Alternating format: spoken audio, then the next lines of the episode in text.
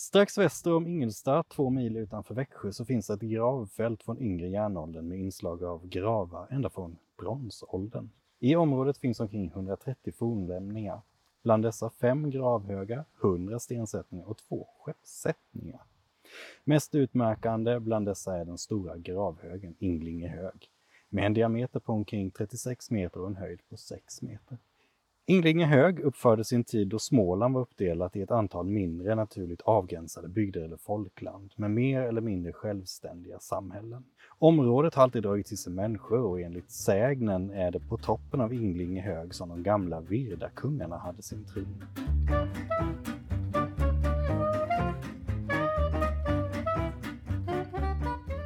Välkommen till ett avsnitt om Inglingehög, om historia, om myter och legender och om arkeologiska utgrävningar.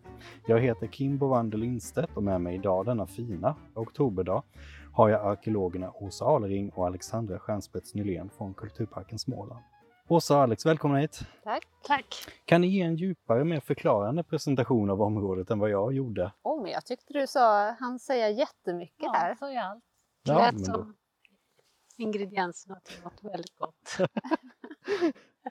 När jag tittar ut över det här området så ser jag väldigt mycket gräs. Jag ser högvuxna träd, jag ser lite kullar och jag ser lite det som närmast skulle kunna kallas för lite ja, stenig åkermark. Men ni som arkeologer, ni har andra ögon här när ni kommer in. Vad ser ni för något? Vi ser, eller jag ser i alla fall, ett jättestort gravfält som jag kopplar till yngre järnålder. Mycket. Eh, Hela det här ligger ju på en höjd och sen runt omkring är det ju odlingsmark idag. Så det är ju åkrar precis intill och sen ligger ju Torsjön. Som ser ut som tuvor bara i en äng här. Eh, det ser ju, där ser jag massor med gravformer som är typiska för det här området. Alltså stenar i cirkelformationer eller avlånga, trekantiga, skeppsformade. Och sen de här pampiga högarna då. Just det, för det är två högar. Det är en, eh, tre till och med. Sen finns det några ytterligare mindre men de är väldigt markanta. Ser ju verkligen lite spektakulärt ut ändå. Alltså har man kommit längs den gamla vägen här nere, Krokviksvägen, då har ju det här verkligen synts från vägen. Det är ju en mastodonthög som ligger här. Det är meningen att det ska synas kanske? Det är kanske. meningen att det ska synas, ja. absolut. Högen sa jag i början, men högarna eh, är det ju då. Eh, monumentala, i alla fall den allra högsta här av dem. Men som sagt, inte ensam utan det finns mängder med mindre gravar här runt omkring. Det här är en del av länets största järnåldersgravfält och platsen finns ju till och med avbildad i Erik Dahlbergs Svezia Hjälp mig med uttalet. Dikverk och Diarna. Från 1600-talet. Och sannolikt så finns det också gravar under marken som man inte ser idag. Ja, oftast när man, om man torvar av ett sånt här gravfält så kommer det fram nästan, skulle säga, dubbelt så mycket ja, säkert. Ja. än det man ser ja. ovan ytan. Så det här har ju använts under lång tid av en, av en befolkning som har bott här runt omkring.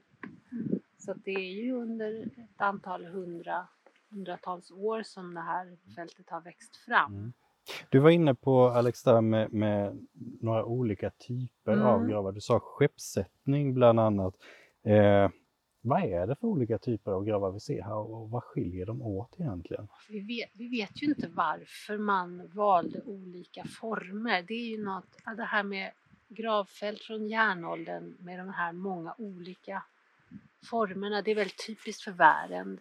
I, I västra delen av dagens Kronobergslän så ser man ju mycket mer av de här eh, höggravfälten mm. där alla ser likadana ut. Men här är det liksom fyllda, fyllda med stenar eller ofyllda som vi säger där det bara liksom är en rund ring. Vi vet inte om det är olika familjer som har valt olika former eller om det är individer som har, att det liksom säger något om individ. Det mm. vet vi inte. Jag vill ju gärna tro det ändå, att det finns en symbolik i att man, när man har det här stora urvalet, det kan, jag kan liksom inte föreställa mig att, att man bara väljer det på begravningsdagen utan mm. Finns en plan. Det måste ha funnits en plan, mm. tänker jag. För det är ju egentligen den grundläggande frågan kanske, det man ska ställa allra först. Vem är det som har begravts här på detta området? Vet vi någonting om det? Skulle vi tro att det är Många av dem var säkert bond, bondfamiljer, bönder, boskapsskötare, höll boskap också. Mm. Bodde här i närheten och hade alla på något sätt ändå någonting gemensamt, även om de inte bodde i en riktigt. Det tror vi inte riktigt än i alla fall. Nej, alltså jag tänker att ju, ju längre fram i yngre järnåldern man kommer, desto fler, alltså det, det, är ju där vi har de flesta gravformerna ifrån. Eh, och då, man brukar ju kalla det för bygravfält, fast byarna har, kommer ju inte riktigt förrän under medeltiden, i alla fall inte den där typen av byar där bebyggelsen flyttar ihop och är liksom på en tät liten bytomt, utan gårdarna låg ju spridda runt omkring. Men om man tänker att om nu det är ett bronsåldersröse, det här röset som finns på gravfältet också, då, då är det en, en grav för en stor och viktig person under bronsåldern. Men alla, då var det ju liksom inte alla under bronsåldern som blev begravda här. I alla fall inte med någon slags grav som syns ovan mark idag. För det är, det är ett tidsperspektiv att förhålla sig till också. Alla är inte begravda på en och samma gång kanske, utan att det är under många hundra år, kanske tusen år som platsen har använts. Ja, ja om, den här, om den här bronsåldersgraven är någon gång från äldre bronsålder, då är ju det ja, kring 1700 f.Kr. Ja, det, är ju, det börjar ju tidigt i så fall med begravningar här. Finns det någon mått av status inblandat i att hamna på just detta stället? Eller var det för vem som helst? Vet vi någonting om det? Alltså, under, om, vi, om vi säger nu att den här graven är från folkvandringstid, eh, då Alltså jag menar, det här är ju status, status så det, liksom, det kan ju inte bli mer status än så här, tänker jag verkligen mega mm. status. Och jag tänker att ju efter det sen så kan det ju liksom ha varit mer status. Men samtidigt så är det ju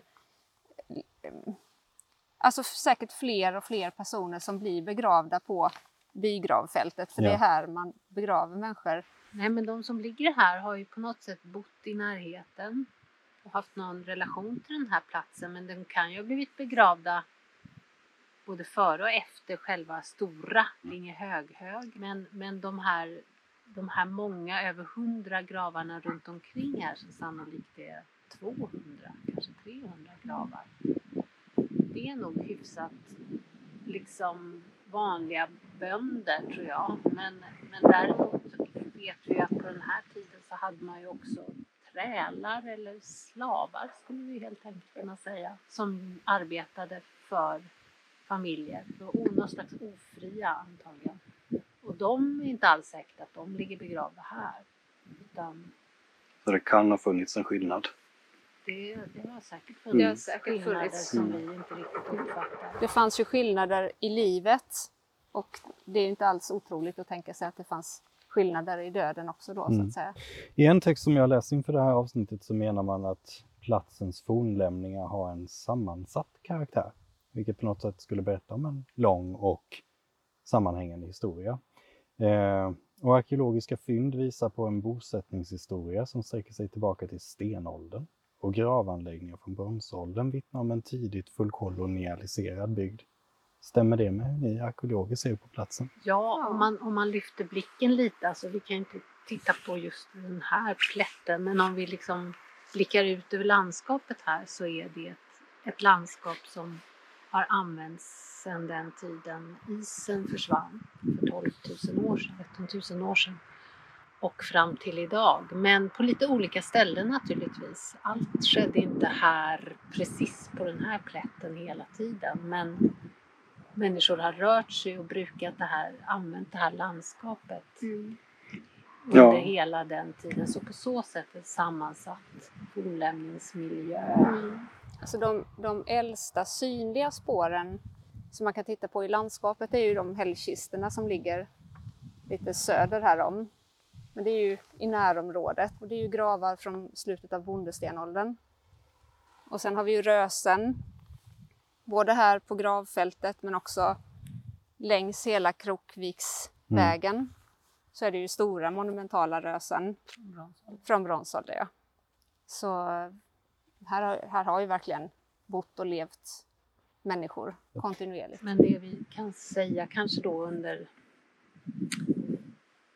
under slutet av järnåldern är att det här verkar bli en plats som får någon viss typ av betydelse också i, för omlandet, alltså att det blir någon slags centralplats i och med att den här för området i alla fall unika högen är till. Så att på något sätt visar den på någon slags högre status jämfört med kanske andra områden. Och vi kommer komma in på det mer med, med områdets liksom makt eller maktförhållande mm. till övriga regionen och, och, så här framöver. Men om man vill fantisera och leka lite med tanken och gissa och tänka, hur tror ni det kan ha sett ut här för 500 år sedan, för 1000 år sedan, för 2000 år sedan?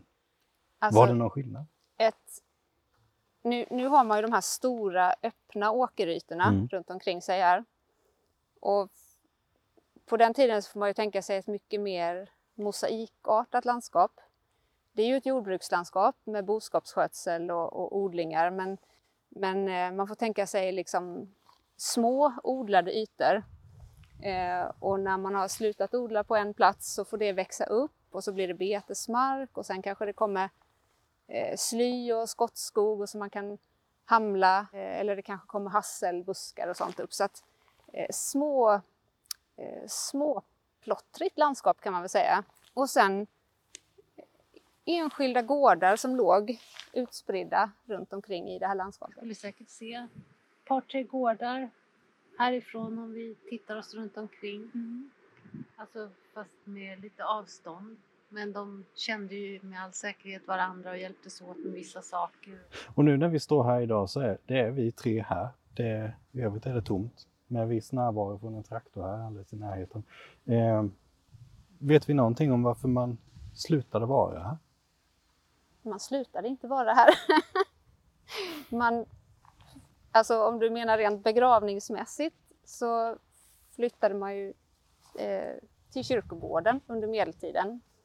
Så att man övergav ju eh, den här förkristna begravningsplatsen men man flyttade ju inte från bygden. Säkert ligger ju någon av villorna här som vi ändå kan skymta här bakom träden. De ligger säkert på någon plats där det kanske har legat någon ja. järnåldersgård. Ja, så absolut. På så sätt har man inte lämnat.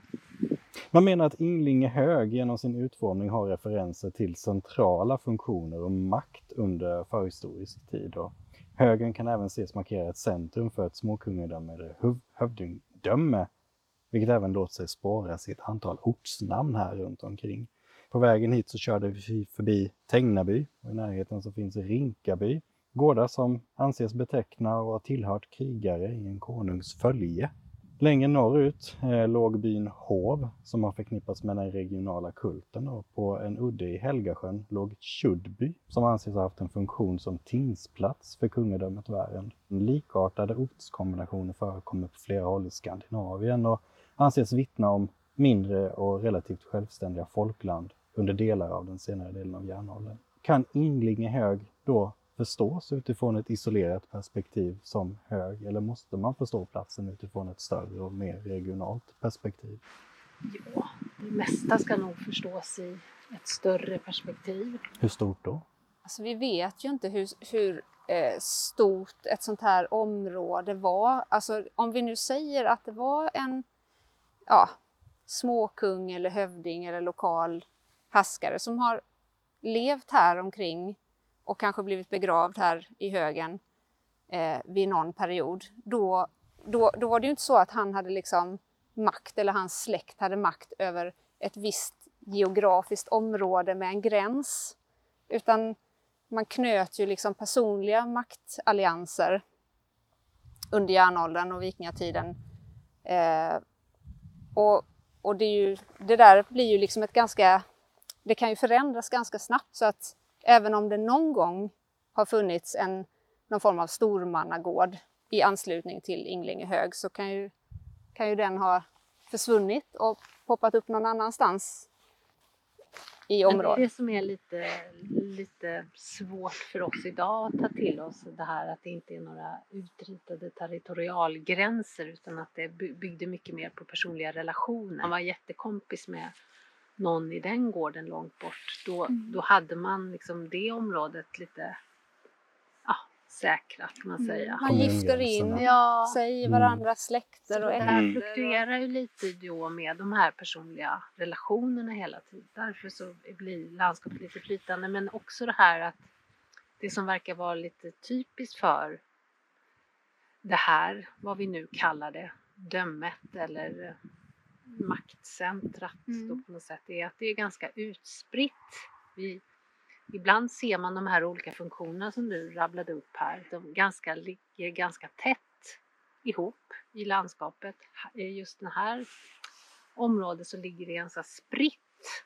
Det ligger långt mellan det som kanske var kultplatsen och det som var tingsplatsen. Mm. Men det bara för att det ser lite annorlunda ut så behöver det inte... Nej, om man jämför, vi har ju Kanske ett, ett liknande område på Bolmsö. Mm. Där finns ju samma typer av ortnamnskombinationer och stora högar och också fynd som är ganska spektakulära.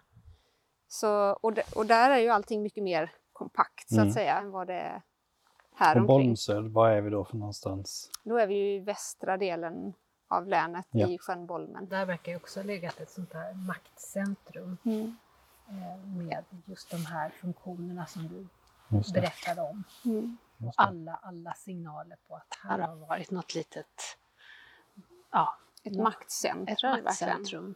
Är avstånden här då någonting som kanske talar emot Inglingehög som maktcentrum då? Spritt maktcentrum, del i ett spritt maktcentrum. Så man, det är svårt att säga att just Inglingehög är centrum av centrum om du förstår. Det är en del i ett utspritt centrum. Mm. Det finns många maktfunktioner som är utspridda i landskapet. Det fanns ju liksom inga städer under mm. järnåldern här. Eh, och, så man har liksom inte koncentrerat allting till en plats utan det finns utspritt på olika platser. Vi vet ju liksom inte var den här ja, Stormannagården eller eventuella Hövdingagården har legat. Eh, men det, det, är ju en möjlighet att den har legat här i närheten. Och då skulle det ju kunna vara här som man hittar någon form av hallbyggnad möjligtvis. Som man ibland kopplar ihop med sådana här stormannagårdar. Hallen var då väldigt viktig i just det här relationsbyggandet. Det var där man träffades, hade fest, utbytte, bytte liksom gåvor för att hålla varann och hålla sina kompisar glada. Ja, och också kanske en del kult och alltså mm. både ja, att man liksom träffades och, och fester men också kultsammanhang. Mm. Liksom. Ja, nu har vi flyttat oss lite grann här eh, på området och det, det, fortsätter ju här med gravarna. Det är... ser man det faktiskt väldigt bra, måste jag säga. På sommaren kan det vara, när gräset är högre så är det ju jättesvårt att se gravformerna. Ja, de är väldigt tydliga. Mm. Men några av gravarna här runt omkring eh, har varit föremål för arkeologiska undersökningar och eh, redan på 1730-talet så undersökte man gravarna det finns ett stort antal teckningar från både 17 och 1800-tal och man har gjort små utgrävningar av gravfältet i början av 1800-talet och 1931. Bland fynden finns en dolk från cirka år 1400 f.Kr. Mm. Skönt den nickar. Ju, ja, vi har ju en jättefin dolk som ligger i museets ja. samlingar. Mm. Och jag kommer till den frågan vad vi har i våra mm, fynd, så då kan vi knyta an till det. I de gravar som blivit utgrävda eh, har man exempelvis hittat vikingatid, vikingatida spännbucklor. Som är en slags spänne om jag har förstått det rätt. Som man, ett dräktspänne mm. som man fäster ihop kläderna med. Ja. Just de är ju kvinnosmycken, de som är bucklorna. Och på 1700-talet så upptäcktes ett svärd från bronsåldern. Säger de här fynden något mer om platsen? Alltså det är ju eh, just det här svärdet från bronsåldersvärdet. Det är väl eh, egentligen det, det enda fyndet som gör att, ja, som knyter den här platsen till, eh, att man ska ha börjat begrava människor här redan under bronsåldern. Faktiskt så vet vi ju inte helt säkert varifrån fyndet kommer. Det kan komma från ja, eh, ett röse som ligger här. Eh, som eh, man traditionellt kallar för ett bronsåldersröse. Men i, i eh, Smålands museums handlingar så står det att eh, det är tre bönder som har hittat det här svärdet.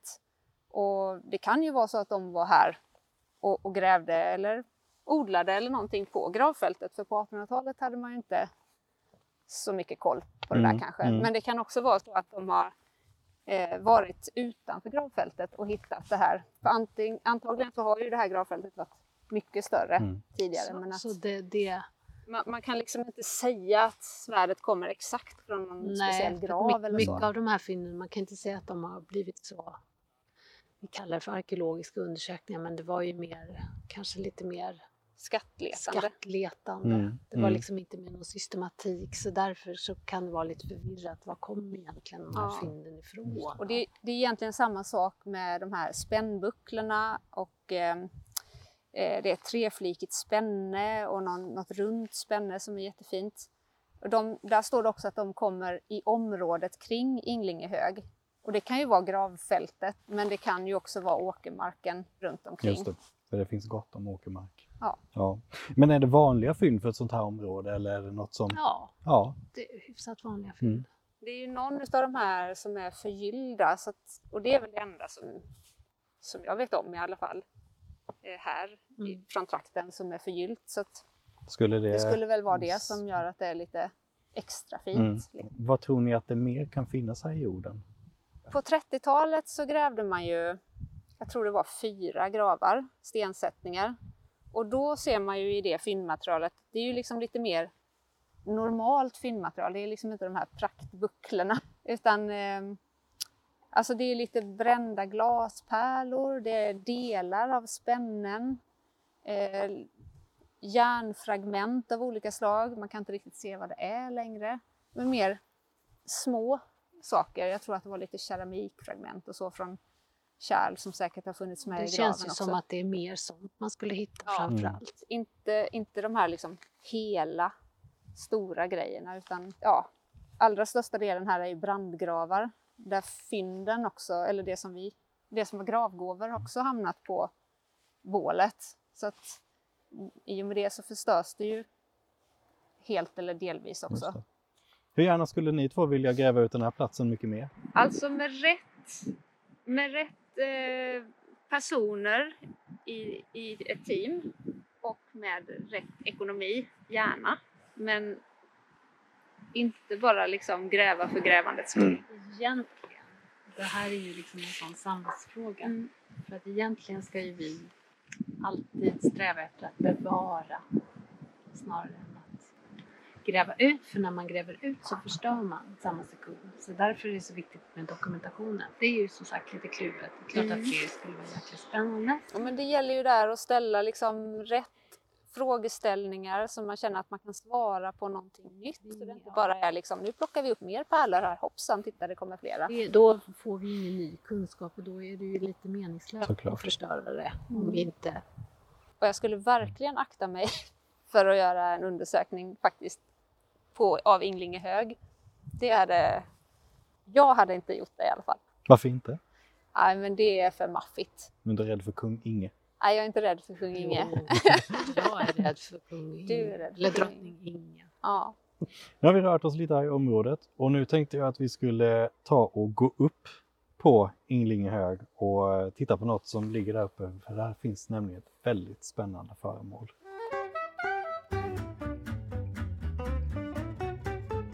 Nu har vi kommit upp här på högen och eh, kan se ut över området och det är en rätt så imponerande utsikt. Man ser nästan hur långt som helst åt alla väderstreck. Och här uppe på högen så står en rest sten och ett ganska speciellt klot. Och klotet är rätt stort. Vad skulle ni säga? Är En det, meter. vad tror ni det väger? Oj, man lyfter inte det i alla fall. Nej. Eh, Det är ett graverat mönster på den med en upphöjd profil. Nu är det ju värdebitet, men man ser ju fortfarande väldigt mycket av vad det är för ett mönster på det. Och nedanför slänten här så finns ju en kopia gjord 1990 som, där man ännu bättre Mm. kan se hur stenen har sett ut en gång i tiden. Det har föreslagits att mönstret på stenen kan hänföras till 1100-talet. Det är också ganska sällsynt att stenar som det här finns kvar. Eh, mycket för att lokalbefolkningen vid andra högar har tagit dem och använt dem till byggnadsmaterial. Vad är det för klot egentligen? Alltså det kallas för ett gravklot. Eh, det finns ju eh, liknande andra sådana här på andra ställen i Sverige. Men de brukar inte vara så här rikt dekorerade som detta är. Det är väl därför till stor del det här klotet som, som faktiskt gör att Inglingehög och det här gravfältet har fått så stor uppmärksamhet. Så det är ett vågmönster längs runt om där klotet är som bredast och sen är det något slags stjärnmönster på toppen. Vad är symboliken i det? Ja, Vad ska det betyda? vet vi inte. Vi kan bara gissa. Det går runt, runt i alla fall. Tänker sig någon evighets... Är det ett vanligt mönster? Är det som man har sett på flera andra platser? Man känner igen från olika håll de här geometriska mönstren. Alltså det men- finns ju redan under bronsåldern, de här spiralformerna och det här. Men det finns även längre fram under järnålder också. Så det går liksom inte att säga exakt hur gammalt det är bara genom att titta på klotets dekor. Men ärligt talat vet vi inte alls vad detta Nej. är. Nej, det finns ju ingenting som säger att den här resta stenen och klotet är samtida.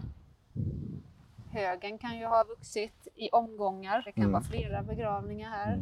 Vi vet liksom inte. Mm. Men man förstår ju när man ser den resta stenen som ett ryggstöd och den här klotstenen då som man ska sitta på. Man kan ju förstå hur den här tron Ja, det är idén väldigt har likt. kommit till. Ja, Mm, men precis. pröva att sitta där och luta dig bakåt. Den är jäkligt stor för att det ska funka liksom. Så det är lite jätte, Ja, nej. jättetron över hela. Men eh, ingen runsten? Alltså, eller runskrift? Nej. Borde det, skulle det kunna ha varit runskrift här någonstans? de brukar ju vara mer vid, längs vägar och vid broar och- eller vad eller så. Sällan att man hittar runstenar mitt upp på en grav. Liksom. De brukar inte förekomma. finnas i, i anknytning till gravfält, men då är det också oftast för att vägarna går vid sidan om gravfälten. Så att, eh, Det är nog inte så förvånande att det inte är runor på det här. nej, det tycker jag inte heller. Men det kittlar ju fantasin, det förstår man ju. Jag har gjort det i alla tider naturligtvis. Det är väl också någon slags skyddsmekanism för att det ska få vara, vara i fred, att det knyts såna här lite skräckhistorier kring det här. Det finns ju bland annat någon, någon historia om att om man flyttar på det här gravklotet så, så kommer det någon slags förbannelse över den gården eller dit man för det här klotet. Jag har läst om, om, inte om några exempel, men om att myten säger att den som flyttar på klotet har ofta varit väldigt snabb på att komma tillbaka och lämna tillbaka Ja, det. och att det är jättesvårt att flytta det då. Det har krävts liksom en massor med hästar och så här. Och sen har det då hänt läbbiga grejer där man har förvarat det här klotet och så har man bestämt sig för att flytta tillbaks det och då har det gått lätt som en plätt. Det har nästan rullat. Ja, det vill hem. Det vill hem. Ja. Och för den som vill upptäcka den här platsen mer så har vi på Kulturparken Småland en app med en audioguide. Appen heter Kulturparken och audioguiden heter Historiejakten. Och där får man följa flickan Torlöf som kommer från järnåldern och hjälpa henne att hitta hennes kompisar som hon har tappat bort i tiden.